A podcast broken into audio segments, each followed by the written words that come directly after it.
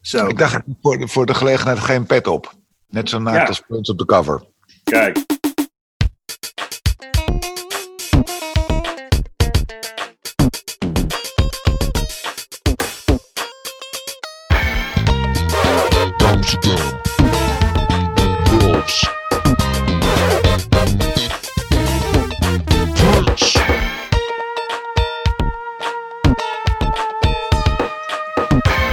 Het is Amsterdam Love Prince podcast tijd. Deel 10. Eh, Love Sexy is aan de beurt. 1988 schrijven we. Eh, de man is eh, bijna 30 als de plaat uitkomt. 6 mei in Europa, 9 mei in Engeland en 10 mei in Amerika. Toch, Adam, Menno? Hallo. Klopt ja, dit? volgens mij, vol- volgens mij klopt dat inderdaad. Ja, fijn. Der- 13 maanden na Sign of the Times. Precies. En, al toerend. Vrij bizar wederom. We, we, we schrikken er eigenlijk altijd van hoe snel en hoe productief hij is. Maar ehm, ja, hij gaat op de enorme Sign the Times tour. En ondertussen maakt hij eh, de Black Album. En Ja. ja.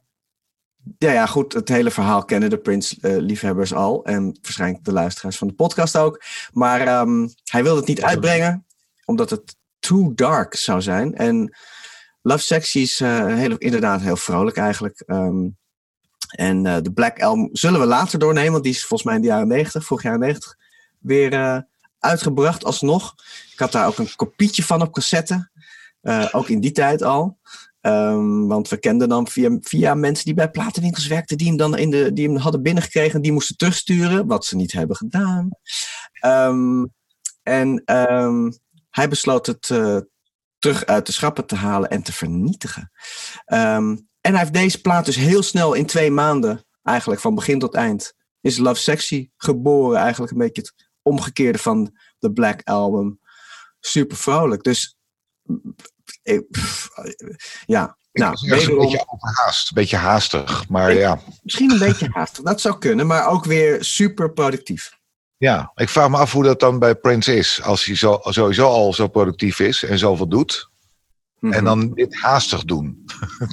Nou, maar er, er, er, zat, er zat natuurlijk wel. eh eh, Paisley Park is, is in feite natuurlijk eh, gestart in die periode. Dus hij kon ook.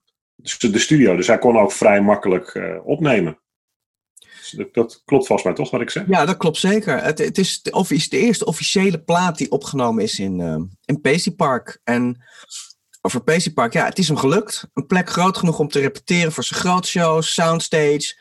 Twee recording studio's. Later zijn het trouwens drie en vier geworden. Ehm, in de repetitieruimte kon je ook opnemen. waren productiekantoren, kleedkamer, ruimtes en kleding werd er gemaakt. Salons. 5100 vierkante meter. Ehm, Maar lief. ja, en, en zijn droom was eigenlijk dat hij eh, daarvoor, dat hij, eh, hij wilde eigenlijk dat iedereen daar ook ging wonen. dus ook al die mensen die hij daar in dienst had, dat met zijn families, hij wilde een groot kindergarten hebben. Nou, dat, dat is nooit helemaal eh, geworden, maar het komt wel redelijk in de buurt.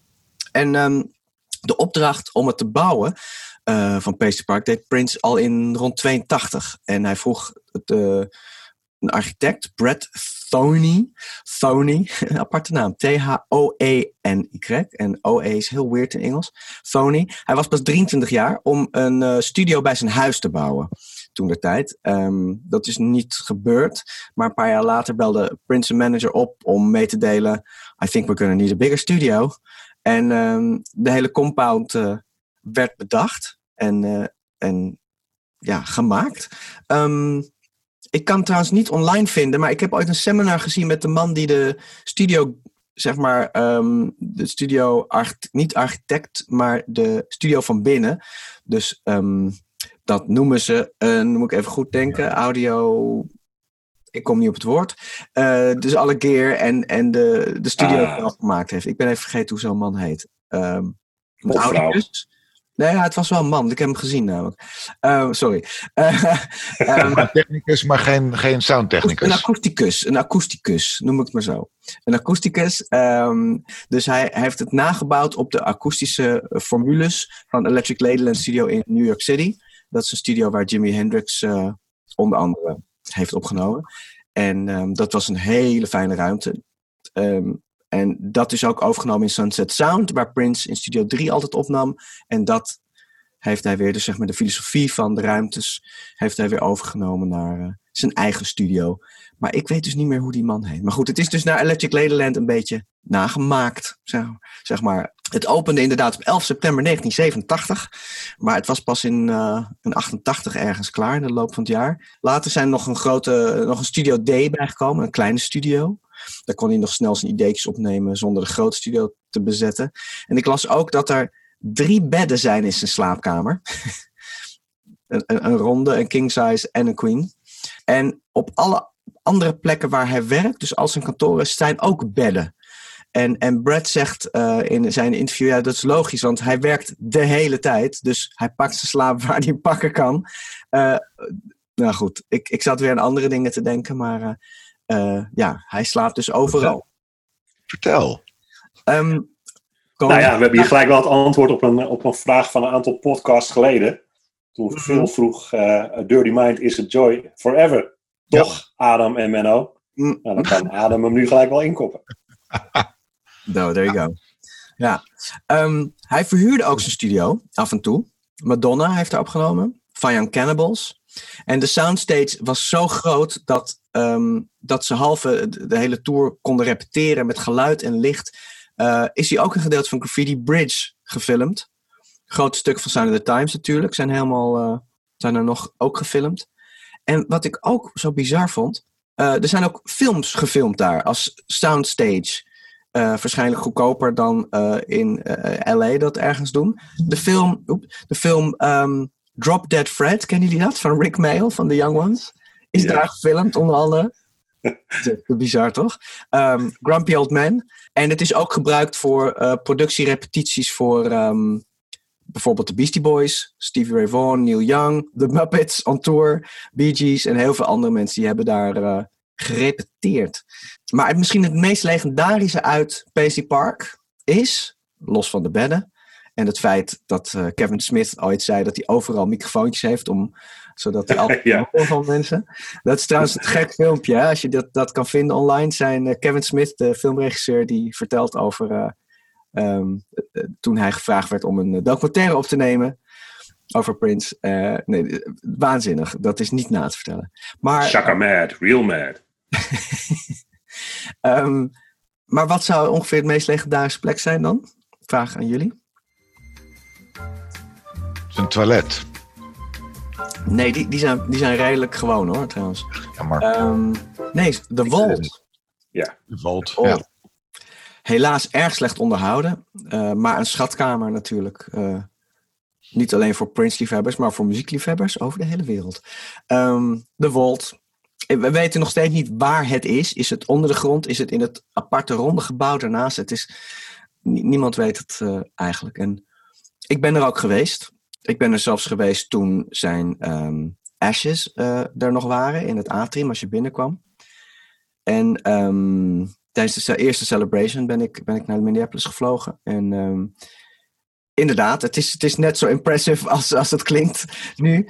Misschien nog wel meer impressive, omdat er overal platen hangen van, voor de verkoop van 25 miljoen platen van dit. En dan denk je, holy fucking crap. Oké, dit is wel echt big business, die Prince. Um, de wc's waren inderdaad heel, heel normaal. En um, gek genoeg was ik, um, toen ik daar voor het eerst binnenkwam, ik kreeg ook wat rondleidingen en die concerten, het was die concerten waren allemaal daar. En ben niet super emotioneel geweest, gek genoeg. Ja, af en toe bij nummers en zo, maar door de studio heen lopend en hier zijn zijn ashes en iedereen begon dan allemaal oh, en, en gelijk een traan uit te barsten. Dat, dat, dat had ik niet, dat gevoel. Ik vond het meer uh, een beetje een soort sketch uit Monty Python, zeg maar. Het was, het was een beetje onwerkelijk en ik vond het wel geestig eigenlijk. Van, en zijn duiven waren dan ook in de hok erboven nog steeds. En, maar waar de emotie mij wel heel erg pakte, was op een moment gingen we, kregen we de tour en we kwamen inderdaad in Studio E. En uh, iedereen had iets van, oh, Studio E, wat leuk. En liepen gelijk door. En ik bleef een beetje over in die ruimte. En alles was nog precies zoals hij het had gelaten. Dus zijn drumstel, hoe het gemiked was. Zijn gitaar-pedalboard lag er nog helemaal met uh, zijn Oberheims. Uh, de drumcomputer. Eh, de microfoon voor de, voor de mixing desk, hoe hij altijd opnam en hoe ik zeg maar al die filmpjes ken. Dus eh, ja, toen, toen eh, hield ik het even niet meer eh, eigenlijk. En ik was gelukkig in mijn eentje, dus ik kon daar even een paar minuten even een beetje om me heen kijken en denken: oké, hier heeft hij dus al die shit gemaakt, zeg maar. En dat was een heel bizarre gewaarwording. Ja, dat, dat, zijn, dat zijn mijn, eh, mijn herinneringen en het verhaal van Paisley Park. Het Maar wel te gek, Park. wel te Ja. gek dat je gewoon even alleen was Ja, in, Zeker. die, in die studio. Dat zeker. is wel echt eh, uniek. Stond, eh, stond eh, de, de swear jar er nog? Dus de, de, de, vloek, de vloekpot? Nee, niet gezien. Maar ze hebben het er wel over gehad tijdens de tour, ja.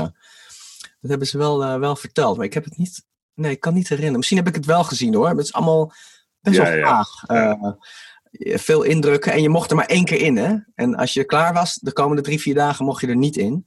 Ehm, dan werden weer andere dingen opengesteld. Dus ik eh, heb het moment genomen om dat even in te nemen. En ehm, ben niet meer terug geweest. Misschien heb, misschien heb ik het wel gezien, maar...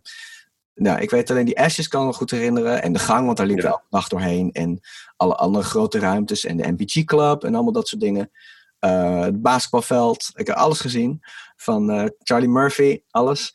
Ehm, maar eh, ja, de studio was toch wel bijzonder. En, ja, dit is dus de eerste plaat, Love Sexy, opgenomen in Paisley Park Studios. Ongelooflijk. Ehm, wat is opvallend aan de plaat? De hoes, Ja, behoorlijk. Zelfs door eh, Walmart niet eens eh, op, in display gezet. nee, werd niet verkocht zelfs. Ze hebben hem uit de hand. Hij, hij is enorm geflopt in Amerika door de hoes. En Prince was daar terecht heel pist over. Ehm, Ja, Ja, hij maar- verwacht, Prins, Prins niet verwacht het ook niet. Prins, want hij Nee. was van tevoren al door de platenmaatschappij gewaarschuwd van nou, dit moeten we misschien niet doen. En Prins had zoiets van, hey, it's me. ja. wat, wat, eh, wat is het probleem? Hij bedekt zelfs een tepel. Dus hoe netjes kan je het doen? Ja, en die stem van de bloem die op een vallus lijkt, dat is dus eigenlijk een vrouwelijke stem. Daar zijn ze dus er is een hele discussie over geweest van ja, maar het lijkt op een piemel. Nee, het is geen piemel, het is, het is een vrouwelijke stem het- van een bloem. Dus ehm, ja, America, America. Wat doen we eraan? Maar ehm, Ja. ja. de hoes, Jean-Baptiste Mondino heeft de coverfoto gemaakt. Kan je er meer vertellen over, eh, over eh, Menno? Of, eh? Nou, hij wilde eigenlijk hem hebben ehm, voor Under the Cherry Moon als regisseur. Dat, dat, ging toen, dat ging toen niet door. Fotoshoot gedaan in Parijs toen, want hij is Frans, die beste meneer. En teruggegaan naar Parijs, de beelden bewerkt en, en teruggestuurd naar, naar Prince. Ja, het is, het is een van de eerste hoezen die hij maakte. Hij heeft ehm, heel veel clips gemaakt. Hij begon, ehm, zijn eerste clip was Boys of Summer van Don Henley. Dat was zijn allereerste clip. Te gek, te gek nummer en clip trouwens. Ehm, hij heeft Mia Bocca gedaan voor Jill Jones. En Jill Jones heeft hem ontmoet. En daar is die link eigenlijk gelegd via Jill. Van hey, check die eh, Jean-Baptiste eens. Hij was al modefotograaf, dat, dat was hij al. En clips en ontwerpen kwamen later. Ja, hij heeft heel veel clips gedaan. Madonna, David Bowie, Sting, Björk. Heel veel met Nana Cherry gewerkt trouwens. Echt in een hele lange periode. Jaren. Ehm, en hij heeft ook de clip voor I Wish You Heaven gedaan. Dus dat, dat Ja. is ook... eh, Daar straks, daar straks meer over. daar straks meer, pardon. Ja, ja en één lange track, hè? Ja, ja alleen de CD. Natuurlijk. Ja, maar ze hebben op het album ook ervoor gezorgd dat, je, dat die, die kleine pauzes die je altijd ziet, dat je kan zien dat je naar het volgende nummer gaat, dat die eh, zo minimaal mogelijk waren dat het ook leek alsof het één lange track was. Klopt. Super irritant vond ik het echt. Ja, bloedirritant. Wel ik, ik, als, ik vond het briljant toen het Ja. uitkwam. Ik vond het fantastisch. Ik vond het idee geweldig. Het was natuurlijk heel irritant, want je had nog eh, geen cd-spelers die snel doorspoelden. dus je moest echt heel lang wachten, wilde je bij Whatever Love Sexy uitkomen. Ja, En eh, ik heb En zelfs destijds, eh, ik heb zelf alle, alle, alle, alle tijden opgeschreven op mijn cd, omdat ik heel veel nummers draaide op feestjes en dat soort dingen. Moest ik heel lang zoeken. Heel irritant. Maar ik vond het wel briljant. Ik vond het wel echt heel goed gevonden. oké. Ja, ja, het, Ja. Het, het- ik moet zeggen, nu we hem weer herluisteren, of eh, mijn, mijn, het eerste wat in me opkwam was van, oh ja, dit is best wel, best wel cool eigenlijk. Het, het, het luistert ook in één keer weg. En ehm, Wat ik ook heel tof vind, is dat hij op Spotify ook als één track Ja. eh, te vinden is. Daar hebben ze hem niet getrackt. Maar dat hebben ze nu gedaan. Want ik weet nog dat eh, voordat de albums van Prince van Spotify af werden gehaald, dat ik heel blij was dat ik dit album kon luisteren op Spotify en gewoon naar het volgende nummer door kon. Dat Dus hebben ze dat afgehaald. Ga maar zoeken. Ja. Hij, staat niet meer. Hij staat er niet meer op. Nee, nee, nee, weet ik, weet ik. Ik bedoel, ik heb hem de afgelopen week eh, eh, non-stop eh, geluisterd. mhm. Maar ik weet nog, een aantal jaren geleden, toen stonden ook Prince-albums erop. Dan heb ik een heel mooi, oh ja, een leuke playlist gemaakt. Nou, toen gingen al die albums eraf, weg playlist. Mhm. En, en toen stond hij er dus wel op en dat je gewoon kon skippen naar de volgende nummers. En ik weet nog dat ik echt ja, heel blij daarom was. En nu hebben ze er weer lekker één, eh, één track Ja. van gemaakt. Ja, dat wilde, dat is natuurlijk een bewuste keuze geweest van Prince en de platenmaatschappij om het als één geheel te zien. Ja. Op zich begrijp ik het ook wel een beetje na Sign of the Times, eh, wat een heel goed album is, maar wat toch een beetje als los zand ja. voelde, voor mij persoonlijk in ieder geval. Ja. Ehm, en ik kan me zo voorstellen dat ze gedacht hebben, nou, we maken hier echt een, een, een geheel, een geheel van. Ja, nou, dat snap ik. En trouwens, nu ik erover nadenk, de Black Album heeft dat ook. Die, dat loopt ook eigenlijk heel erg door. En, en is ook best wel continuous qua thematiek en, en funk en, en sound. Maar ja, Hij heeft wel eerder gedaan natuurlijk. Hè? Hij heeft wel eerder heel veel tracks achter elkaar zeker. laten lopen. Dus Controversy en eh, de overgangen eh, dingen. Klopt, ja. Nou, maar echt één track op cd was, was uniek. Over de CD, maar over het bandje gesproken. Ik, ik wil even nog terug naar, naar de vormgeving eigenlijk. Hebben jullie het cassettebandje of niet? ik nee. heb hem dus. En daar heb ik straks een verhaal ook over, over dat gezet. Wat je maar vertel. Oh, nou, misschien, eh, misschien verpest ik je verhaal of moeten we jouw Nee, verhaal nee, nee, nee, nee. Mijn verhaal gaat over mijn oma, dus dat, dat verpest je niet hoor. Ah, oké. nou, we hadden het over eh Jean-Baptiste eh, Mondino. Maar ook een belangrijk persoon voor die hoes is Margot Chase. eh, de typograaf van het album. Dus die heeft eh, het Ja, font Marco. ontworpen en de logo's. Mhm. Eh, zij is overleden in 2017 eh, door een vliegtuigcrash. Ehm, ja, zij heeft dus het lettertype ontworpen en, en eh, onder andere eh, eh, Yes en dat soort, eh, dat soort dingetjes. Eh, zij heeft ook logos ontworpen voor eh, Madonna, Cher en de serie Buffy the Vampire Slayer. Ah, mijn lievelingsserie. Aller Ja, dat weten we. Vandaar dat ik het even moest, eh, moest noemen. Ehm, maar goed, ik had het over, over het cassettebandje. Als je het cassettebandje uit het hoesje haalt en je haalt ook eh, eh, de inlay, het papiertje, uit de hoes en je houdt die in het licht, dan zal je zien dat het woordje yes, wat eigenlijk op de binnenkant is gedrukt, op de heup van Prins precies zit. Dus dat klopt ook helemaal. Dat, dat is, ik weet 100% zeker dat het zo ontworpen is dat het daar hoort. Dat Wauw. is geen, eh, geen eh, onbewuste keuze, dat is een bewuste keuze geweest. Mooi. Dus ik wilde, ik wilde Marco Chase nog wel even eh, Ja, wat noemen cool. in, in, Ik- in ik- het verhaal. Ik, dat kan ik me niet herinneren dat ik hem zo eruit heb gehaald en in het licht heb gezet. En... Nee, maar wat cool. Ja, maar waanzinnig. Hè? Ook die eyes natuurlijk. Eh, Ja. De hele typografie is natuurlijk meer dan alleen maar de letters. Het is, alles past ook in elkaar. En ja, het is super gek gedaan. Heel lastig lezen. Ja, dus even wennen. Ik vond het niet zo lastig als die binnenhoes van Purple Rain trouwens. Nee. Zeker niet. Begrijpelijk. Ja, nou, ik heb nog wel wat, wat, wat quick thoughts over de plaat. Want eh, dat doen we soms wel eens in de, in de podcast, soms niet. Ik, ik vond het hier wel. ehm, Kom maar op, fiets hem erin. yes. Ehm, ik, het is, hij past eigenlijk weer nergens tussen. Dat, dat was wat ik ten eerste opviel. Eh, hij past nergens tussen. Eh, eh, het, is, het is zo anders. Ehm, als je hem in één keer zo luistert, er zitten bizar veel arrangementen in en heel veel terugkerende thema's. En dat was me nooit echt opgevallen. Eh, maar nu na het herbeluisteren, dus absoluut. Je hoort eh, in de percussieve handclaps die terugkomen in verschillende nummers, hoornpartijen die terugkomen in andere nummers, Love Sexy, de sample, Love Sexy. Eh, dat komt in heel veel nummers terug. Eh, heel veel gang vocals, heel veel yes geroep. Het is dus echt een, een trip om achter elkaar te luisteren. Dat was me nooit echt opgevallen vroeger. en, ehm, ik vind hem wel een beetje gedateerd klinken. En dat komt eigenlijk door het gebruik van de D50 keyboard van Roland. Ehm, ik zat in een bandje dus. Weer shout-out Geronimo. Hij zal de eerste tien afleveringen heel veel voorkomen. What, what? Maar there you go. Uh, hadden een band, The State. Uh, tussen 1982 en 1990. Met mij er in ieder geval bij. En, maar goed, in, in deze jaren hadden wij dus ook een D50. We hadden een 808. Een, uh, een DX100 voor de bas.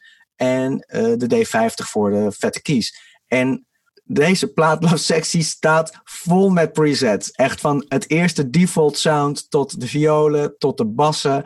De, helemaal vol met D50. Um, nou ja, goed, die terugkerende arrangementen waren me is eigenlijk nooit goed opgevallen. En uh, hoewel de meeste nummers vrij simpel zijn van opzet, qua het zijn heel veel blues-schema's bijvoorbeeld, heel veel 1-4-5 van vorige week. Ja, ik vond het wel echt een uh, enorme trip. This is not music, this is a trip. En um, When Tour in Love valt duidelijk buiten de boot. En waarom dat is, vertellen we zo. Um, maar ik snap ook wel waarom dit album dus niet een commercieel succes was. In ieder geval in Europa redelijk. Het schijnt in Nederland niet aan te slepen te zijn. In, Europa, in Europa. land op nummer 1 geweest. Precies. Uh, maar in Amerika totaal niet. En ja, ik, ik snap het ook wel. De, het was ook zijn minst succesvolle album sinds 1981, uh, had ik gelezen. Ja, nou, er gebeurt gewoon muzikaal zo ontzettend veel. Ik heb het idee dat hij dat ook voor live, dat hij gewoon heel veel zin had om hele gekke arrangementen erin te zetten. Het, ja, een beetje all over the place. En het, het klinkt ook een beetje druk daardoor. Ook al dus zijn die nummers redelijk simpel. Maar uh, ik hou wel heel erg van deze plaat hoor. Uh, absoluut. Het is meer een goed gelukt experiment. Maar ik snap dat het uh, een experiment is eigenlijk, als ik het zo, zo hoor. Misschien hadden ze net zoals in Saoedi-Arabië een, een broek erop moeten tekenen voor de verkoop. Dan had het in Amerika nog wat, wat meer gedaan. Wow. Dat, dat, zou kunnen. Ja. Hebben jullie nog ideeën van, hebben jullie ook een beetje dat sentiment of, of weer anders? Nou, ik, ik, wat jij zegt over dat het vrij druk is, ik vind het vrij vol klinkende nummers, met een uitzondering daar gelaten. Ja. En, en ja, ik, ik kan er eigenlijk verder niks over zeggen, maar ik, ik, heb het idee dat ik het wel met je eens ben over wat je net, uh, wat je net anders zei. Ja. Nou ja. Ik, ik, ik vind het gek, uh, te gekke plaats. Er een paar uh, echt all-time favorites op van mij. Dus ik ben sowieso wel fan van deze plaat. Qua, qua hoes, qua, qua one-track. Vanaf dag één dat die uitkwam was ik al fan. Mm. We horen, hij, hij roept voor het eerst New Power Generation. Klopt, ja. Aan het begin. Ja. Dat valt ook op. En ik, uh, wat mij opviel bij een beetje uh, research doen, was dat ik uh, Suzanne Rogers nergens meer zag. Nee. Als engineer. Die is gestopt. Wel op. Die was klaar. Die, had, die, heeft, die heeft ongeveer 27 uur geslapen in vier jaar. En die heeft het wel, en die heeft het wel gehad. Uh, Prins die zei nog van ja, maar ik heb drie bedden in uh, die ruimte en ik heb er zes in die ruimte. Ja, maar niet, maar, maar niet in haar ruimte waarschijnlijk. Nee, nee. Ik hoef geen pingwin op mijn kop. Ik, ik nok ermee. Nee. En Love Sexy is voor mij ook wel altijd, zal altijd verbonden zijn aan de tour. Uh, ja. Sexy Tour. En daar kunnen we heel lang over praten. Maar goed, we bespreken in principe zijn muziek per album. Maar na, na, na Love Sexy in Nederland gedaan te hebben, speelde hij natuurlijk in het paard. Het paard van Troje. En ik was er uh, niet bij. Maar daar is een beetje de gekte begonnen, volgens mij, wel over zijn aftershows en de bootlegs van de aftershows en de dit en dat. En um, het Dortmund concert, wat uitgezonden is door de Caro, waar ik uh, met, door, een, uh, met, een, met, met popcorn en limonade klaar stond bij de tv om dat te zien. En de bassist van mijn toenmalige... Ja? Hoe laat werd dat uitgezonden op tv? Was dat, was dat, uh, was dat acht tegen uur? Nee, ja, acht uur? Nee, het was niet laat. Want het was in Dortmund en er was geen tijdsverschil. Volgens mij was het gewoon acht uur, of kwart over acht in mijn herinnering. Oké. Okay. Ik, ik, ik was gewoon uh, na het eten en uh, ready, let's go. En, en de bassist van mijn, van mijn band toen, Sebas Wolfsberger, die was er naartoe gegaan. Um, dus die was daar. Dat vond ik ook heel stoer. En even een shout-out naar Sebas Wolfsberger. Want behalve dat hij een van mijn beste vrienden is en supergoeie was, nou ja, een van de beste bassisten ever. Um, toen en nu ook. Ik speelde met hem later, 30 jaar later, op de Tribute in Paradiso. Toen Prince overleden was. Dus dat is weer een hele bijzondere link uh, die, die er dan uh, gemaakt is. Um, en Candy, Candy Dulver, zou voorprogramma spelen van de shows in Nederland. in, eh, in de Kuip. Ja. Maar een uur van tevoren zei Prince, nope, gaan we niet doen. Ik ga gewoon die show spelen zonder. En ehm, zij... En dat vond, ze, dat, vond, dat vond ze natuurlijk helemaal prima, of niet? Ja, nee, vond ze helemaal prima. En ehm, dat is the end of the story. Nee, ze gaf hem, eh, ze gaf hem een briefje van eh, The chance of a lifetime to see a girl play her ass off on the saxophone. En dat vond hij heel cool. En toen vroeg hij haar mee te jammen. En Blues in C. Ja, en de rest is, eh, ik wil zeggen history, maar de rest bespreken we bij eh, Batman, denk ik. Nou, wel grappig. Ik vind wel grappig dat haar ouders dus eh, naar huis zijn gereisd om nog even de saxofoon op te halen. Ja. Want het was natuurlijk heel last minute op, op de laatste avond dat, dat ze mee mocht spelen. En volgens Sheila E. ging ze heel erg tegen, tegen haar tekeer. Dat ze dus boos was en, en, eh, Ja, en, maar en ik dat, moet, en dat, ze, dat, Ja. dat ze beter was dan Eric Leeds. Maar Candy eh, ontkent dat. ja, ik heb dat ook, ik, ik vind dat ook niet iets voor Candy. Ik, ik Nee. ging toen in, in die tijd ook om met Candy. En ehm, eh, had ook met haar gespeeld, was een, een beetje bevriend. En nee, dit is, dit, is, dit is niet hoe ik Candy, zeker van toen niet. Nee. Dus nee, dat, dat, dat, zou, niet- dat geloof ik Is, dat, is het dan hoe we Sheila E. kennen? Hmm. Dus, ja, Goed. dat, dat, Volgende, volgende. Arr. En, en door. En door. Yes. Ja, wat, wat ook wel een ding was met die tour, is dat het decor zo ongelooflijk duur was. Het decor dat heeft 2 miljoen dollar gekost. Tja. En dan moest het ook nog eens een keer op tournee Precies. verscheept worden. Dus een hele kostbare onderneming. En Prins heeft daar gewoon eh, behoorlijk op toegelegd. Het was een beetje Ja. In the Fire met hun shows, die ook altijd de meest bizarre dingen deden. Ja. En vervolgens geen moer eh, verdienen aan de hele tour. Nee. Ja, ik, hoor, Eh, ik hoorde inderdaad dat omdat ze nog een extra shows in Japan konden doen, Ja. dat ze daarom Kiet hebben gespeeld. Zoiets had Klopt. Ja. Dus, Eigenlijk wilde Prins dat niet doen, want hij wilde Batman op gaan nemen. Maar dat in de, de, de podcast over, over Batman. yeah. Nou, Ja, het, het, het muzikale landschap wil ik nog even, Oh ja, even noemen. Dat, eh, het, het jaaroverzicht qua singles. Nou, komt ie. Op eh, nummer drie, Glamaderos. ah, Nothing's Gonna Change My Love For You. Ach, mooi. Ja. Wie heeft er niet opgeschrijveld? Ik niet. ik Ehm, Ik, eh, nummer twee, Bill Medley en Jennifer Warnes. oh. I Had The Time Of My Life. Mhm. En op nummer één, Womack en Womack met eh, Teardrops. Oké, cool. Gelukkig ook nog een cool nummer. Ehm, Nou, Time Life is, is een classic. Echt. zeker. Maar de volgende keer als het gedraaid wordt, dan til ik je zo eh, de lucht in. En eh, dan doen we even de, dat bekende, bekende scène. Nee, het, het album kwam op 21 mei eh, 1988 binnen op nummer 3 in de nationale totale top 75. Ik heb het de, afgelopen podcast steeds verkeerd gezegd, want Oh. eh, vanaf 1985 was het dus niet meer die top 50. Eh, maar is het een aantal jaren de nationale totale top 75 eh, geworden als het op albums eh, aankwam. En op nummer 2 stond toen Fleetwood Mac met Tango in the Night. Mhm. En op nummer 1 eh Sade met Stronger Than Pride. Mhm. En de week daarna stond Love Sexy drie weken lang op, op nummer 1. Hebben jullie moeite moeten doen om het album te kopen toen de tijd? Want het is, eh, wat ik van inderdaad gelezen en gehoord heb, is het echt de winkel uitgevlogen en was er niet aan te slepen. Ja. Eh, nee, geen probleem. Ik kan me niet meer herinneren. Ik, zat, ik woonde in Israël in die tijd. En Ah. eh, ik weet niet meer of ik mijn cd uit Nederland opgestuurd heb gekregen... of dat ik hem daar heb gekocht. Dat weet ik niet meer. Nee. Dus ehm, Ik heb hem op cassette en op cd gekocht. Plaat eh, kwam iets later. Eh, maar geen problemen met, eh, met, met, plaat, of met cd en cassette. Oké, eh, zullen we naar de tracks toe gaan? Heerlijk, heb er zin in. Eh, laten we beginnen bij eh, I Know. Dat, Of I Know. Of I Know. ja, Op verschillende manieren te schrijven, geloof ik, hè? ja, met zijn oog. Je Ja. begon hier behalve de R's en de U's en de For's ook de I's te gebruiken als oog. Ja, dus weer die Margot dus. Ja, die heeft, eh, die heeft dat oog ontworpen.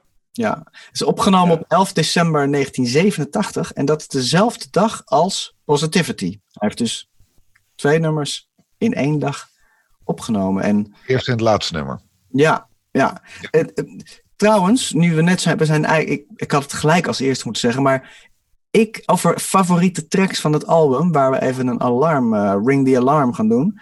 Ik heb er niet echt één op dit album. Ik heb, ik heb, zijn meerdere tracks die ik prefereer, of nou, die me meer doen. Maar ik heb niet echt één track eh, dat er bovenuit steekt. En dat is apart, want dat heb ik eigenlijk bij alle albums, vaak, ja, heb ik dat wel.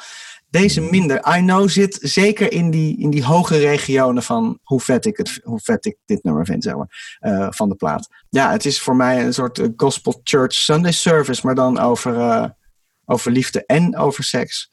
Ja. Ehm, en over de cassette, want ik wilde een verhaal vertellen over mijn cassetteverhaal. Ik reed, ehm, ik was op vakantie, was mijn eerste vakantie eh, op Interrail met, eh, met Jace, eh, die dus een wopper heeft. Een halve wopper. halve wopper gewonnen heeft. Ehm, en, en ik was in Italië, we waren hadden. We waren aan het eind van de interrail bij mijn ouders terechtgekomen in Italië. Bij Luca in de buurt in Toscane. En daar was, waren mijn ouders, daar was mijn zusje met de vriendin van mijn zusje. En was mijn oma was er ook. En wij maakten vaak tripjes naar, eh, naar kleine steden in de buurt. En eh, om ijsjes te halen en pasta te halen. Dat soort dingen. Dus wij waren in de bergen aan het rijden. En ik zeg eh, met mijn oma, Jason, ik, mijn zusje, mijn ouders, echt ge- ingepropt in een kleine auto. We deden, ik zei, ik heb de cassette van New Prince, kunnen die even opzetten? Ja, sure. Mijn ouders draaiden eigenlijk alles waar ik mee aankwam. Dat was altijd heel fijn. We zetten het op. En zoals je weet, het begint dus een beetje vaag met, met een paar effectjes en een paar eh, tekstjes. En ik zei, doe hem even harder. Ik hoor het niet zo goed. Dus harder. Ik hoor nog steeds niet zoveel. Doe even wat harder. Dus op stond hij dus echt keihard. En ineens hoor je zo... Nou ja, mijn oma vloog dus... Ik zat midden achterin. Vloog zo... Achter. Van schrik. eh, achter in de stoel. Ja, dat was een moment... Ja, I'll never forget it, zeg maar. Ehm, zo begint voor mij het album. Dus elke keer als ik het album hoor en ik hoor die, die eerste ouwe, moet ik daaraan denken hoe mijn oma keihard naar, eh, naar achteren vloog, echt werkelijk.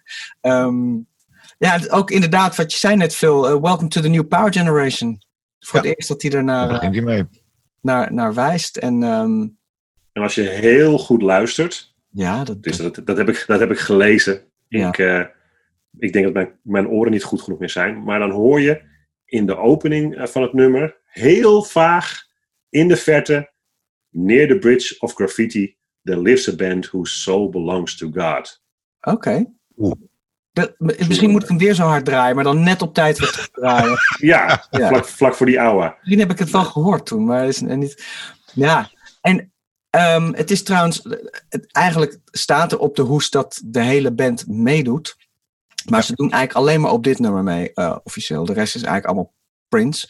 Ehm, ja, zijn band toen de tijd ehm, op dit nummer en ook van de tour: Sheila E., Levi Caesar, Dr. Fink, Bonnie Boyer, Eric Leeds, Atlanta Bliss en Miko. En ehm, volgens mij zei ik eh, vorige podcast of die ervoor van ja, Miko woont eh, volgens mij in Rotterdam, een Rotterdamse vriendin. Maar Edgar, hij is er weer. Edgar had daar nog een, een leuk, eh, leuk anekdote over. Hij heeft eh, ingebeld, dus we gaan even live schakelen over naar Edgar Kruijzen. Die heeft wat, eh, wat te vertellen over Miko. Kom erin, Edgar. Een kleine update over eh, Mico Weaver. Die is ehm, vanuit Rotterdam inderdaad verhuisd naar Ibiza. En daar is hij vader geworden. En ehm, uiteindelijk is hij zijn reispapieren kwijtgeraakt. En heeft hij jarenlang op dat eiland gezeten. En heeft hij vooral op de hippiemarkt gespeeld. En daar een beetje zijn, eh, zijn brood bij elkaar gescharreld. En eh, kennelijk, eh, het laatste wat ik gehoord heb, is hij eh, eind 2019 eh, eindelijk van het eh, eiland afgeraakt. Ehm, dus hij heeft een eh, nogal zwervend bestaan geleid, maar, maar wel lekker. Nou, dankjewel eh, Edgar. Wist u Superleuk weer. Leuk. Ja. Heb je nog een feitje over Batman? Stuur hem alvast in. Dan eh, kunnen we je er daar weer in plakken. Voor de- Oh nee, sorry. Je bent live, podcast. live via, via satelliet ben je hier. Sorry Edgar. Eh, Ehm, ja, je hoort trouwens ook Camille, hè? Ja. echt waar? ja Waar hij- dan? nou, hij, heeft, hij heeft zijn stem weer verhoogd op een paar, paar stukjes. Je hoort eigenlijk alles, alles een beetje samenkomen met Camille, breaks, arrangementen en heel veel yes gang vocals. Mhm. En ehm, Love Sexy koortjes, wat dus eigenlijk een sample is wat hij inderdaad door de hele plaat eigenlijk een beetje heen doet. Het, eh, het origineel van deze track is eigenlijk de Ball, hè? Eh, Ah. las ik. En die heb ik nog even teruggeluisterd. Die is langzamer en de tekst is totaal anders. Maar voor de rest is het. eh, en het einde is, het, einde, het einde is volgens mij wel bewaard. Maar het is. eigenlijk is het de Ball. En later I Know geworden, dus. Aha, Nieuw track. En ik ben ook wel benieuwd waar Prince dan elke keer zijn samples vandaan haalde. Want vorige keer had jij het erover dat ehm, een, een, eh, het obscure sample van Spider D. Van een onbekend rapnummer uit 1980 of zo. En hier heeft hij in de openingssequentie een sample van een geluidseffectenalbum. Out of This World. Nou, Sound and Effects. eh, Een compilatiealbum uit 76 van de BBC Radiophonic Workshop. Oké. Dus ik, ik, ik ben toch wel benieuwd, was het Prins die zo'n platencollectie had? Was het, was het een engineer? Waar, waar haalde die elke keer die samples vandaan? Hmm. Nou goed, die sound effects van die Jacques Holman, waar die inderdaad veel voor en van gedaan heeft, die, die kon je gewoon in bibliotheken vinden. En misschien dacht hij gewoon, had, had hij gewoon af en toe, ging je naar de Beep, de, de Mi- Minnesotan Library, en eh, haalde hij een plaatje mee. Ik bedoel, zo ging dat vroeger. Eh, of naar de record, record store. Record Store. Ja, en het einde, het einde loopt eigenlijk door, hè? In Alphabet Street. Ja. Zo'n party eh, sequence eh, aan het eind. En dan eh, Alphabet Street. De eerste single, hè, die voor het album uitkwam. Mhm. 23 april. Ik kan me nog het plastic doorschijnende hoesje herinneren. Vond ik, Geweldig. ik dat. vond ik fantastisch. Vergeten, ja. Ja, zo'n 12, volgens mij allebei. De 7 inch en de 12 inch hadden Ja. het allebei. 12, en Dacht die is inderdaad doorzichtig. Eh 12 inch natuurlijk met eh This is not music, this is a trip. Je zei het al eerder. Het is inderdaad een, een plastic hoes, maar er staat wel een sticker op. Ja, ja, dat is een onhandige hoes, moet ik je zeggen. er zat ook een flapje aan. Een heel onhandige hoes. Hmm. Maar het was wel tof. Het was wel gewoon weer anders. Ja. Zeker. hele, die hele plaat die had allemaal, dat is anders dan wat we gewend waren als platenliefhebbers. Ja, En ook wel een beetje cd-liefhebbers. Dus dat vond ik wel heel vet. en die clip, hè? Ik weet nog, ik zat te wachten op Countdown, want de clip zou in première gaan. Countdown had altijd die première. Ze zeiden altijd, Ja. volgende week hebben we de nieuwe Prince. En Klopt. nou, klaar voor Countdown op Veronica. En ik had eh, de clip ook opgenomen op, eh, op, op video. En ehm, om te kijken of er nog leuke berichten waren te zien in de achtergronden. Alles eh, tussen alle letters. Dus toen heb jij hem al op pauze gezet en zag je het bericht al. Ja, dat heb ik echt Wow. bijna per seconde gedaan, want er ging een gerucht dat er stond: Don't buy the Black Album, I'm sorry. Ain't that a bitch? Tja, Je moet wel je hoofd, je moet wel je hoofd eh, eh, even... ja, het, gaat, het gaat zo, hè? Ja. ja. Het staat niet, het staat niet horizontaal, het staat verticaal. Ik, deed, ik deed verticaal met mijn hand, niet te zien voor een podcast. Not very clever. Eh, maar inderdaad. Eh, maar wat een super track, toch? Ik bedoel, Ja. weer een simpele, simpel akkoordschema. Bluesy, een soort jazz, een hele simpele schema. Met de, met de slap basses erin en de, die, de lindrum die helemaal over de kop gaat. En Precies. de banden en andere gekke samples, talking drums, gang raps. En, en die rap van Cat vind ik echt heel tof. Dit is trouwens het eerst dat we iets horen over Cat. Eh, ik weet eigenlijk niet waar ze elkaar gevonden hebben. Eh, Engelse, Engelse danseres slash rapper, Catherine Glover. Maar ik vind het zo te gek dat aan het eind van de rap is ze echt uit adem. Dus, en dan waarde je mama wel. En dan hoorde je echt van, hey, die, kwam er nog net uit. En dat hebben ze ingelaten. Ze hebben niet geknipt of in delen. En, eh, Ja, als, ik, als ik eerlijk ben, eh, ik vind dat ze niet zo heel goed rapt. nee. Het is geen, het is, het, eh, het is geen, het is geen rapster. Het is geen Queen Latifah, het is geen MC Light. Nee, zeker niet. Zeker niet. Maar het is wel iets wat, wat als wij eh, de Purple Parties doen, vooral vrouwen eh, heel graag willen horen. Als hij voor die rap weggaat, dan, dan eh, heb je Dan echt rellende vrouwen, bij, rellende vrouwen bij de DJ-boek. Nou, ik moet, wel, ja, nu ik erover nadenk over die rap trouwens, waarom ik hem dus wel te gek vind. Want ze is inderdaad geen goede rapper. Helemaal mee eens. Maar er zit wel een soort energie in, eh, in die rap, wat het gewoon wel weer ja, maakt wat het, wat het, het bij het nummer ja, past. dat, Gaat dat Het nummer. Precies. En, eh, Klopt bij de track. ja, En het zit ook alleen in de lange versie. In de albumversie zit het alleen. Niet op de single versie. single is Nee. het. Nee. Daar is het geëdit. Nou, haar, dus Stefan stem, haar, stem, haar stem past wel bij Ja. het nummer. Ik bedoel, Ja. dat ben ik met je eens met die energie, dat klopt. Zeker. En de 7 inch eh, is eigenlijk de volledige albumversie, maar in tweeën geknipt. Want voor het eerst een B-kant die niet een andere track was. Maar oh ja, het dat, klopt ja. Kant B Ja, was dan het vervolg van. Ja, ja, ja. Precies. Nou, Ja. dat werd vroeger trouwens wel vaker gedaan, hè? Oude Motown dingen. Deden het Ja. James, Brown deed natuurlijk eh te pas, Precies. onpas. Maar bij Prince was het de eerste keer. Klopt. Op deze manier. Ja. Dus, eh, En eh, er zit een tekstje in van Put your love down, baby, when your money gets shot. Als, als iedereen denkt, wat een heerlijke stem heeft die Arnold toch van deze week. Eh, ik heb geen corona, ik ben een beetje verkouden, dus there you go. Ehm, maar dat zit in de song Bloody Mouth, eh, gelezen. En dat is een maand eerder opgenomen. Eh, en overal staat dat wel vermeld van, ja, dat komt uit Bloody Mouth, de track Bloody Mouth. Ik ken die track niet, ik heb hem nooit eerder gehoord. Ik heb er geen bootleg van. Eh, ik heb het ook onder verzamelaars ook nooit zien langskomen. Dus wie weet bij de Love Sexy Super Deluxe Edition dat hij tevoorschijn komt. hij ligt nog in de vault. Hey, en Phil, jij draait trouwens altijd de live versie, hè? Ik draai vaak die live versie, ja. Wel, welk, is dat uit Indigo Nights? Uit Indigo Nights. Die is echt, eh, echt briljant. Ja, is- Dat is zo'n, het is sowieso een, een feel-good song. Het is heel zomers, heel, heel vrolijk. En die versie is nog veel, veel toffer. ja. Eh, ja, vind ik. en ik dus, bedenk eh, trouwens dat, dat de, de, de, de, de stempel van zeg maar een, een hele, hele goede song hebben, is dat je hem in verschillende versies kan spelen. Daarom werken, zijn Ja. de Beatles zo geniaal, want je kan ze van calypso tot eh, reggae, eh, whatever spelen. Ehm, Dat is ook bij dit nummer. Prince heeft zelf, dus inderdaad, Indigo Nights is een heel erg up-tempo gospel funk. Ehm, deze is redelijk mid-tempo, ook super funky, maar anders. En hij heeft natuurlijk volgens mij bij MTV ooit, denk me nu, die, die blues versie ervan gedaan. Tenminste, dat, Was dat bij MTV?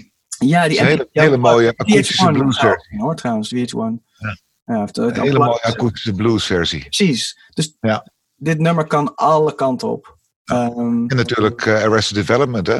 Ja. Bekend, eh, Tennessee sample. Eh, Lord, oh Lord, oh Ja. ja, vet. nog steeds, eh, Ehm, nog steeds gek. Nou, Ja, Ja, je, je had het net over een heel zomers nummer, ja. Ja. ehm, eh, Phil.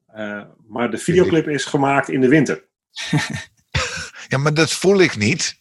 Nee, nee, nee, dat weet ik. Maar ik probeer een soort, eh, grappig, ik ja. probeer een soort brug te maken, maar niet Ja. helemaal lukt nu. Er zouden namelijk geen eh, videoclips komen van dit album.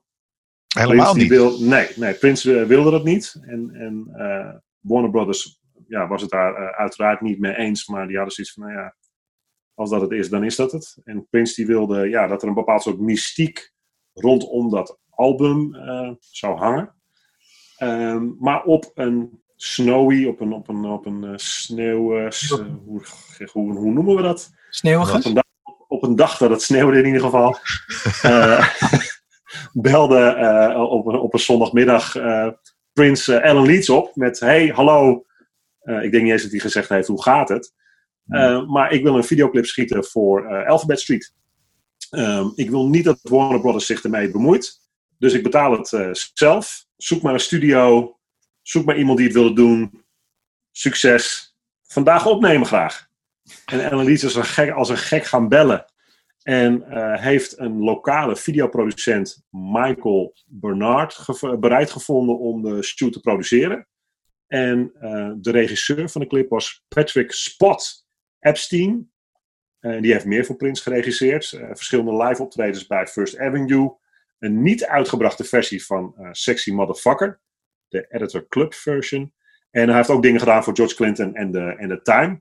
En eh, Sheila E. en Cat die kregen ook de opdracht om mee te doen.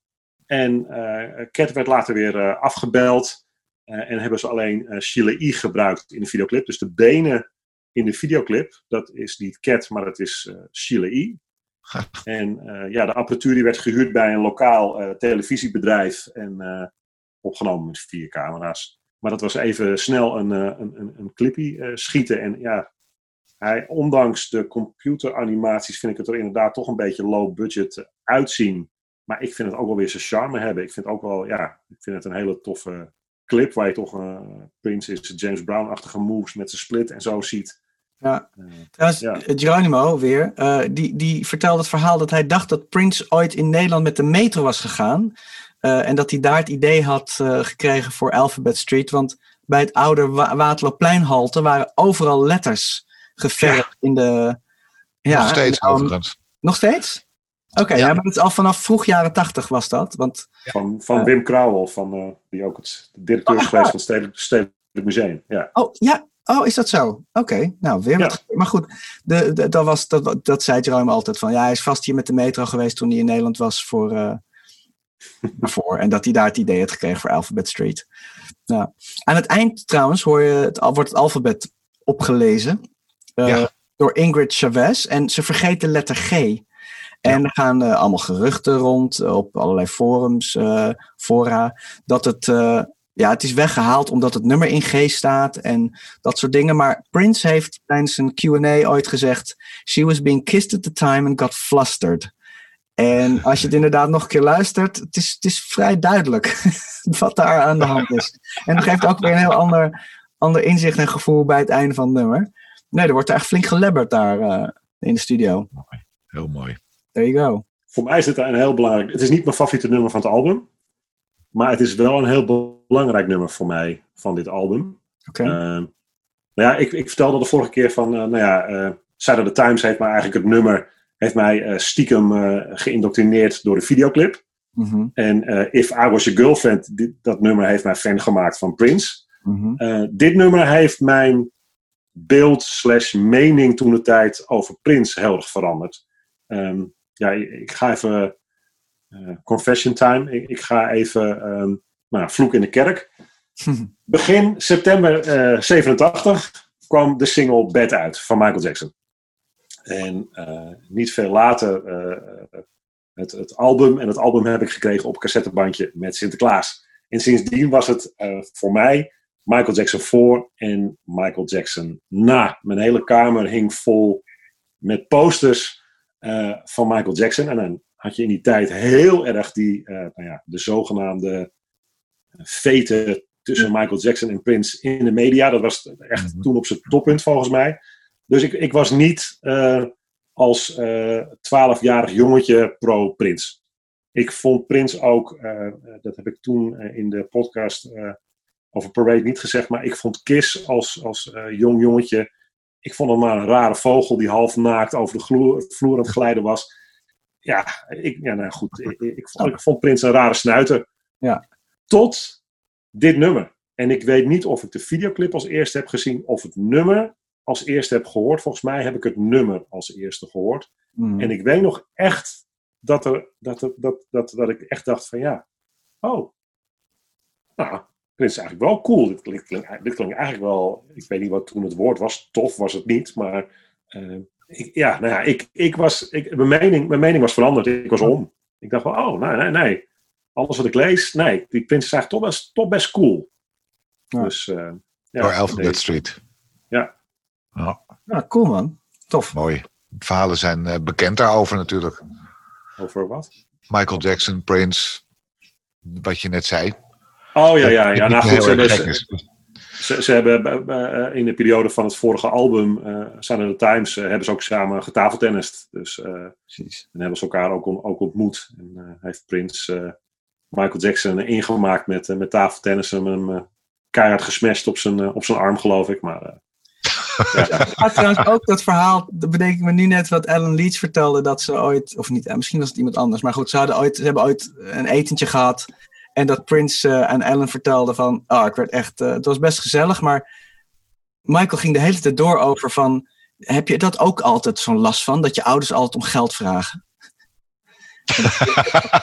maar heb je dat over? Nee, heb ik niet. Nog één ding trouwens, want volgens mij heb ik me net, heb ik, eh, ik, ik heb volgens mij Willem Krauw gezegd, maar ik bedoelde eh, bij eh, het meesterstation eh, Sandberg. Oké, eh, als, als ontwerper van de letters. Eh, maar goed, dat. eh, hij heet Sandberg of Frank Sandberg? Of? eh, eh, nee, eh, Willem Sandberg. Dus ik zei Willem Krauw, Oké, maar ik bedoel eh, Willem, Willem Sandberg. Die eh, nog steeds. Ja, ik, oh ja. Nee, zie je. Rectificatie. go. Nou, verder. Clam Slam. Ja, man. Niet mijn track. Wat? Niet jouw track? Nee, absoluut niet. Ik vind Glam Slam, Thank You Ma'am, dan ben ik helemaal klaar. Dat vind ik, die tekst, die, die, die gaat door merg en been bij mij. Hmm, hmm. Dat, dat- nee, Eh, nee. Nee, ik moet zeggen, eh, ik heb ook eh, na het luisteren dacht ik van, nou, ik vond de 12-inch kant B leuker, Escape, wat gebaseerd is op Glam Slam. Ja. Een soort net opnieuw genomen, op, opgenomen remix-versie was dat. En daar samplede hij eigenlijk Glam Slam voor een nieuw nummer, maar de basis is ongeveer hetzelfde. En het intro van Escape is gebruikt voor de Love Sexy Tour, namelijk snare drum pounds on the 2 and 4. All the party people get on the floor. Bass. Ehm, dus check hem als je kunt. Ehm, ik heb ook eh, een heel, heel erg korte aantekening, namelijk niet mijn lievelingsnummer, maar prima. En Poebel. En het was een single. en wat Ja, zeker. Ja. Nummer 15 in Nederland en nummer 29 in, in Engeland. En de B-kant Escape. Oh ja, er waren trouwens wel clubnachten in Minneapolis. Ehm, en, en gedeeltes van zijn oude website, die noemden ze altijd Glam Slam VIP. Dus hij had een nachtclub, Glam Slam Club Nights. Dus dat kwam er vandaan. Maar inderdaad, dit is, ja, Prins heeft ook de single eh, eh, proberen tegen te houden. Oh, Is ook bekend waarom. Nou, eh, een paar dagen voor de release, eh eh, Prins had toch zoiets van, nee, nee, nee. Eh, ja, nee ik, ik durf niet te zeggen waarom precies, maar hij, hij wilde wel eh, een paar dagen, voor, eh, paar dagen voor de release de single tegenhouden. En dat lukte niet meer. nee. Nou, Dus er is een, eh, ja. ja, de, de, de- nou ja, laten we toch even benoemen dat er een, een videoclip van is. Opgenomen in, eh, in de Paisley Park Studios. En het is zo'n eh, zo'n eh, een, een live optreden. eh, Oké, ik, ik kan me helemaal niets meer ervan herinneren. Ik ga hem wel even checken weer. Ja, en ehm, ongeveer 400 eh, lokale bewoners die werden ingehuurd als extra's. Want ja, je moet als je een live optreden hebt ook een publiek hebben. En na de opname van die video is dat publiek eh, nog getrakteerd op ongeveer anderhalf uur concert. Wauw. En, hij, en Prins heeft het geregisseerd. Hoe hij dat gedaan heeft terwijl hij op het podium eh, bezig was, eh, weet ik niet. Maar, maar het, waarschijnlijk is het weer zo'n verhaal wat jij al eerder vertelde, Adam, dat er een regisseur is geweest die het geregisseerd heeft. En dat Prins eh, later eh, iets gedaan heeft en eh, de credits eronder heeft ge- geschreven. Zou kunnen. Nou, Tingelingelingelingelingeling. ah, en Track vier. Ja. Bij mij ook. Dus doe maar weer een, eh, een, een luchtalarm. Wauw, eh, wieuw, wieuw. voor de tweede keer hetzelfde. Nou, Ja. vertel. Ja, man, wat een, wat, wat een plaat, sowieso. Eh, toen ik hem op de, op de CD hoorde, was het al meteen favoriet. En eh, later door, eh, door de live-registratie kwam hij nog harder binnen. Ja, ik moet zeggen, die live registratie is wel echt, echt kicken. En Ja. dat was, eh, toen heb ik hem heen en weer geskipt, zeg maar, de live en de plaat en weer live. En altijd, altijd zo gebleven. Echt, een van, een van zijn, eh, vind ik wel een van zijn allermooiste tracks. Oké. Ook qua arrangement en compositie. Eh, ik heb altijd, toen de tijd hoopte ik altijd dat ik een vriend, vriendin, vrouw zou hebben die zo zou heten. Dan was dit mijn, mijn, mijn liedje voor haar, maar dat is nooit gebeurd. Ja, waanzinnig. Oké, Ja, ik, ik had dus nooit zoveel met dit nummer. Eh, behalve dat ik die glijende synthbas heel vet vond. Maar nu ik hem weer opnieuw eh, luister, eh, vind, vind ik hem alweer een stuk bijzonder. Dat is heel grappig hoe dat dan met de jaren dan gaat. En met schone oren, zeg maar. Want het is ook echt met niks te vergelijken. Nee. maar het is een beetje rocky, het is heel erg poppy, het is ook heel funky. Er zitten heel veel hele bizarre funk gitaartjes in. Eh, het, het, de main theme is een pianothema, à la, ja, à la wat? Eh, een soort Americana piano ding. Eh, Filmisch ook heeft het iets, film, vind ik. ja, dat komt, dat komt dan eigenlijk door de arrangementen inderdaad. Er gebeurt zo verschrikkelijk veel door de zang. voor qua koortjes en, en gekke D50 violen. Die ik natuurlijk herken en denk, oh god, gaat hij heeft die D50 aangelaten. Eh, ehm, en het nummer zelf is heel simpel. Het is een C-akkoord en een F-akkoord. En ik weet nog toen we, toen we dit aan het spelen waren in... ehm, eh, heel snel aan het doornemen waren. Want we moesten 27 nummers doornemen op de tribute in Paradiso. Ehm, dat de pianist eh, Alexander eh, van Popta, waanzinnige pianist trouwens, eh, die zat de hele tijd van, wacht even, ik, ik, ik, speel wel een C en een F, maar dat klopt niet. En nou ja, dan moet je weer zo'n nerd hebben als ik. Eh, ja, je bent de D vergeten. Dus het is een, een, een gewoon C-akkoord, ehm, of een mineur C. Alleen dan wordt er de D bijgespeeld. Dat is de tweede noot, dus dat is een, een 2 akkoord. En daardoor is het, is het net anders dan gewoon een C en een F akkoord. Er wordt één extra noot die normaal niet in dat akkoord wordt gespeeld, zit er nu in. En soms zit er ook een G tussen. Dus het is eigenlijk een soort blueschema, maar dan een beetje omgedraaid. Het, het is eigenlijk heel simpel. Super simpel. Maar wat Hadden we had, had ik eigenlijk al gezegd dat het over track 4 Anesthesia gaat? Volgens mij hebben we de titel niet genoemd nog tot nu toe. Anesthesia. Ja, wat is dan? Ja, ik kende de live versie eerst. Dit, Ja. dit album eh, heb ik, ik. Ik heb eerst de Love Sexy videobanden eh, gezien voordat ik dit album hoorde. En ik ben eigenlijk verliefd geworden op de, op de live versie. En ik vind de albumversie ook eh, nog steeds geweldig. En als die piano, dan, dan krijg ik kippenvel. Ja. Eh, maar ik ben verliefd geworden op de, op de live versie. Die, eh, die maakt op mij eh, het meeste, Ja, die het klinkt meeste indruk. ook, die live versie. Ik bedoel, gewoon de mix van de live versie is ook zo goed Ja. Die, Ja. kick, die drums klinken zo waanzinnig. En ik vond het heel leuk, want ik, eh, want volgens mij woonde ik nog in Israël toen ik ook die live versie hoorde. En die hoorde, in het begin hoor je het, het eh, publiek ehm, Holland.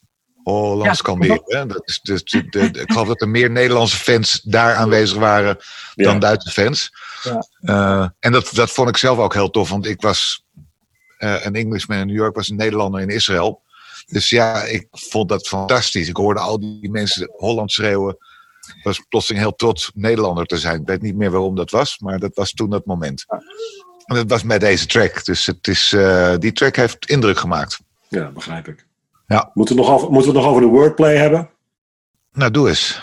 Nou ja, ja het, het- het nummer heet natuurlijk Anna Stacia, alsof ze voornaam en achternaam. eh, en eh, nou ja, waarschijnlijk is het afgeleid van het woord eh, Anastasia, wat dan vrij vertaald betekent niet gewaar worden, niet voelen.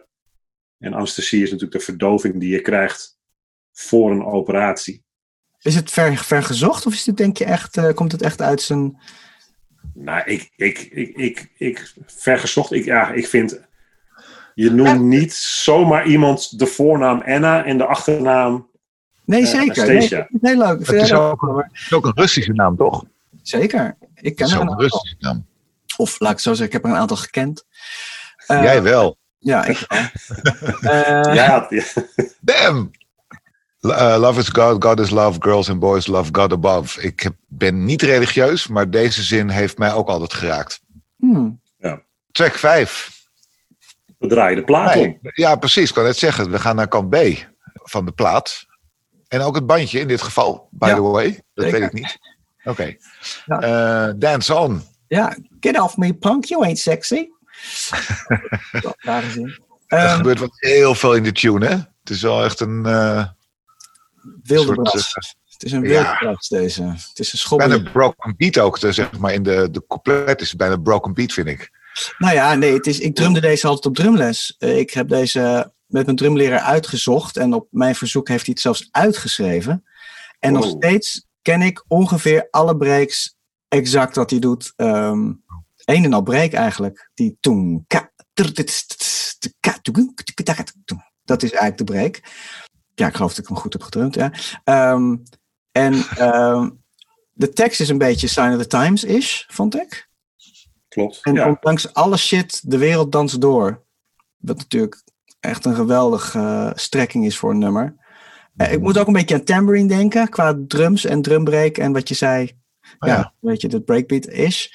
Ehm, en ik las dat, dat Sheila het gedrumd heeft, maar eh, volgens mij is dat niet zo. Volgens mij heeft Prince deze echt gedrumd. En ehm eh, Sheila staat namelijk vermeld ehm, als percussion. Nou goed. En op andere plekken wordt, eh, wordt ze vermeld als drumster. Dus Hmm. wie weet, weet iemand hier eh, hoe het exact is gegaan. Ik weet het niet exact, maar ik vind het super Prince gedrumd. Gewoon manier van hoe hij de snare behandelt. Viel mij ook op, wat mij opviel was dat de, de, de coupletten zijn nogal donker. Het is allemaal wat, wat heftig. Precies. Dat is, En de refreintjes zijn heel vrolijk. ja, En dat, is, mooi, eh, eh, die contradictie vind ik heel mooi in die plaat. Zeker. Ja. Consonantie, dissonantie. Mijn aantekening bij het nummer is niet mijn nummer. echt te wild voor jou, hè? Is te, te experimenteel. Ik, ik, ik weet niet, het, het is, eh, ja. Snap ik. Het is, het is een heel bizar nummer. Bizarre track. Ja, ik, ik, vond, ik vond deze altijd wel interessant. Zeker om een kant 2 mee te openen. was echt van wow. Beg- Begrijp, ik ook, begrijp ik ook echt. Ik begrijp ook echt dat je het heel interessant kan vinden. En er zitten ook wel echt toffe elementen in. Maar als nummer is het mij, eh, nee, niet, niet mijn nummer. Maar heel veel, heel veel geluidjes, heel veel dingetjes. En komen, komen er voorbij. Dat, dat viel me ook op. Nu Ja. pas overigens. Vroeger niet. Oké. Eh, Ja. Titeltrack. Love Sex, hè? Love Sexy. Ja. Een paar dagen eerder was er een nummer Love Sexy opgenomen. L-U-V Sexy. Ja. En een paar dagen later deze. Ja. Vol met geweldige koortjes, funky horns, rock and roll, vocal samples. Ja, wat ik het vetste aan dit nummer vind, is de bridge eigenlijk. Waar die soort breakdown. Het is bijna een soort Queen Bohemian Rhapsody is.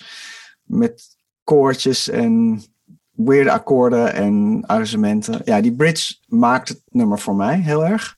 Zitten dus, waar ik zei, er komen af en toe percussieve thema's terug. Dezelfde claps als Alphabet Street, dus die. Die zitten nu hier ook weer in. Verstopt. En de Bizarre sample komt weer langs.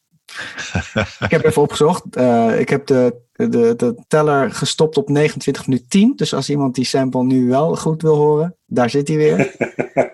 en dan die sax solo erin, breakdown. Ja, ik vind het super, super vette track. Nog steeds niet mijn lievelingstrack, maar een super vette track. Ik ik ben trouwens benieuwd. ehm, in het nummer zingt Prince Put My Name Upon My Thigh. En ik ben benieuwd of hier het idee vandaan is gekomen om dat yes op die heup met het cassettebandje te doen.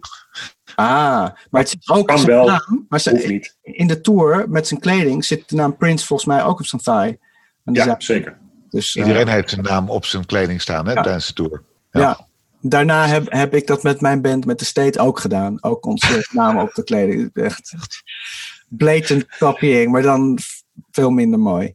Ja, gewoon zelf Wat een- allemaal Ik opgemaakt. vond overigens, ik, heel vaak een titeltrack van een album vond ik wel leuk of te gek of cool. In dit geval helemaal niet. Hmm. Ik vind deze track echt niet heel boeiend. Behalve de, de, aan het eind, die, ehm, die lyrics, die very speed. Ja, gaat hij helemaal op en neer. Hè? Ja. Dat vind ik briljant. Dat vind ik fantastisch. Dat is echt. Ja, dat is. ehm, eh, met, met, alleen met audio beeldend worden. Dat vind ik Mhm. heel vet gedaan.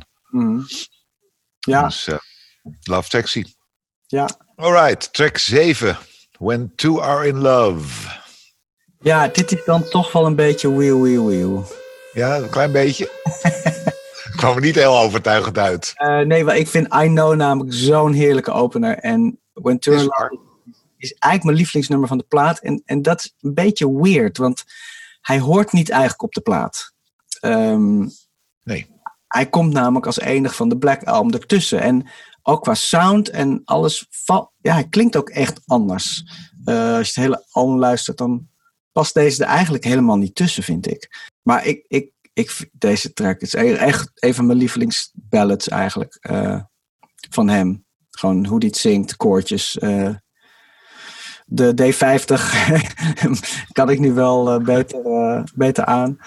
De Lindrum weer. Ja, en zijn Die stem. Lindrum die is fantastisch in deze track. Ja. Nou, alles is fantastisch aan deze track. Ik vind hem echt geweldig. Dus, en ik, meer heb ik er niet aan toe te voegen. Dat is gewoon. Hij staat wel- bij mij in mijn top 5 van de meest romantische, sexy, geile tracks van, eh, van Prince.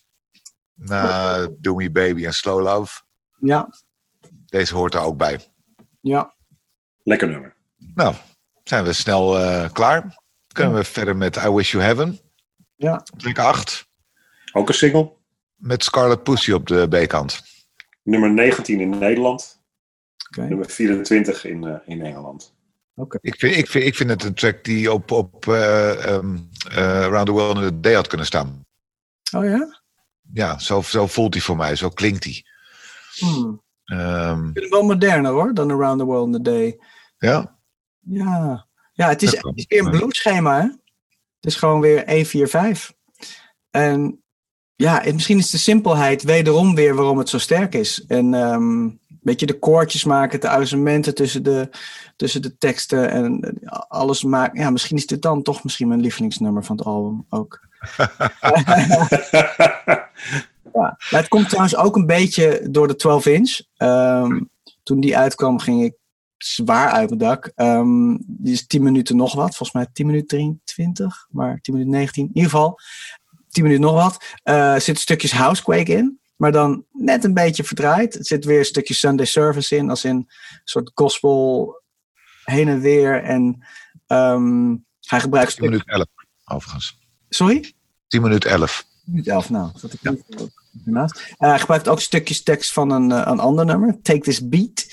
Dat nummer is niet uitgebracht, maar ehm, ja, stukjes tekst komen daar vandaan. En er staan ook stukjes tekst weer eh, van Take This Beat. Wordt ook gebruikt op een ander nummer, What's My Name? En dat nummer staat op Crystal Ball. Dus hij heeft van een, een, een outtake gebruikt op deze 12 inch en op een ander nummer wat op Crystal Ball uitkomt.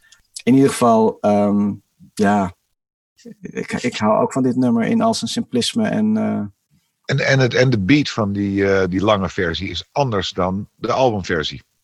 ja, hij, hij, hij, hij, hij trekt hem door, zeg maar. Er komt een andere, ander snare drum in. En dus het, het, het, het Ja, bereikt. maar van begin af aan. Van begin af aan van de 12 inch versie is de beat echt anders. Hij klinkt, of de drum klinken anders dan de, eh, dan de albumversie. Hmm. Moet je nog maar eens een keer na- naar elkaar luisteren. Dan hoor je het verschil. Ik, Ik- heb het expres even na- naar elkaar geluisterd. Oh ja? Echt Ja, het viel me meteen op. Ik had zoiets van, hé, dit zijn hele andere drums. Ja, dan ga ik, ga ik nu doen. Dus, Ja, eh, dat. Doe maar. Meteen. Wij, wij draaien trouwens, of tenminste, ja, wij draaien tijdens onze feestjes een, een hele bijzondere versie. Die, waar er maar twee, twee mensen hebben deze versie. Dat is namelijk Scumfrog Dub. Scumfrog is een, eh, een hele goede vriend van mij. ehm, want inmiddels al meer dan 25 jaar, denk ik nu, in Amerika. Ehm, ook heel, een hele grote Prince-fan. Die heeft dit ooit onder handen genomen en eigenlijk een edit gemaakt. En super ge-EQ'd en nog hele lichte kick nog eronder gezet en zo. En het, het waanzinnig. De, de I Wish You Have a Dub is dat. En, eh, die dub komt voort uit die 12 inch. Maar voor mensen die de 12 inch niet kennen, is die trouwens te vinden op Spotify. I Wish You Heaven. Ik ga even kijken of die 12 inch ook te vinden is. Gaan we meteen even, even zoeken. Ja, even kijken. I Wish You Heaven. Nee. Nee, niet te vinden.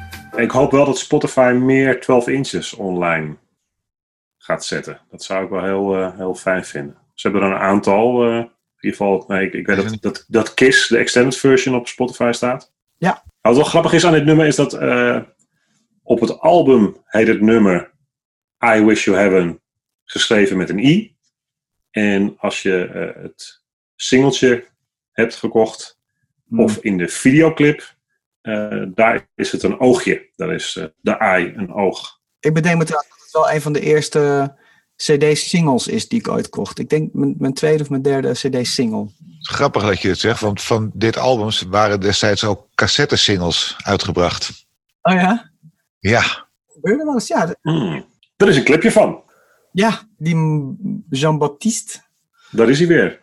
Ja. Die, heeft het gerege- die heeft het geregisseerd. Het is gefilmd in een studio eh, in LA voordat de Love Sexy Tour begon. En eh, er, zijn twee video, er zijn twee versies van deze video. Oh. Ik ken er maar één. Maar in de eerste versie zat eh Bonnie Boyer eh, eh, er niet in. En sommige objecten die in en uit scènes zweven, die zijn anders. Maar ik heb, ik, ik heb ook geen idee of op, op YouTube alle twee de versies staan. Maar er zijn twee versies. New news for me. Ja, trouwens, Bonnie Boyer. Ik bedoel, eh, hoe heeft ze haar? Hoe eh, heeft hij haar gevonden? Wat een geweldige zangeres trouwens. Echt, eh, ja.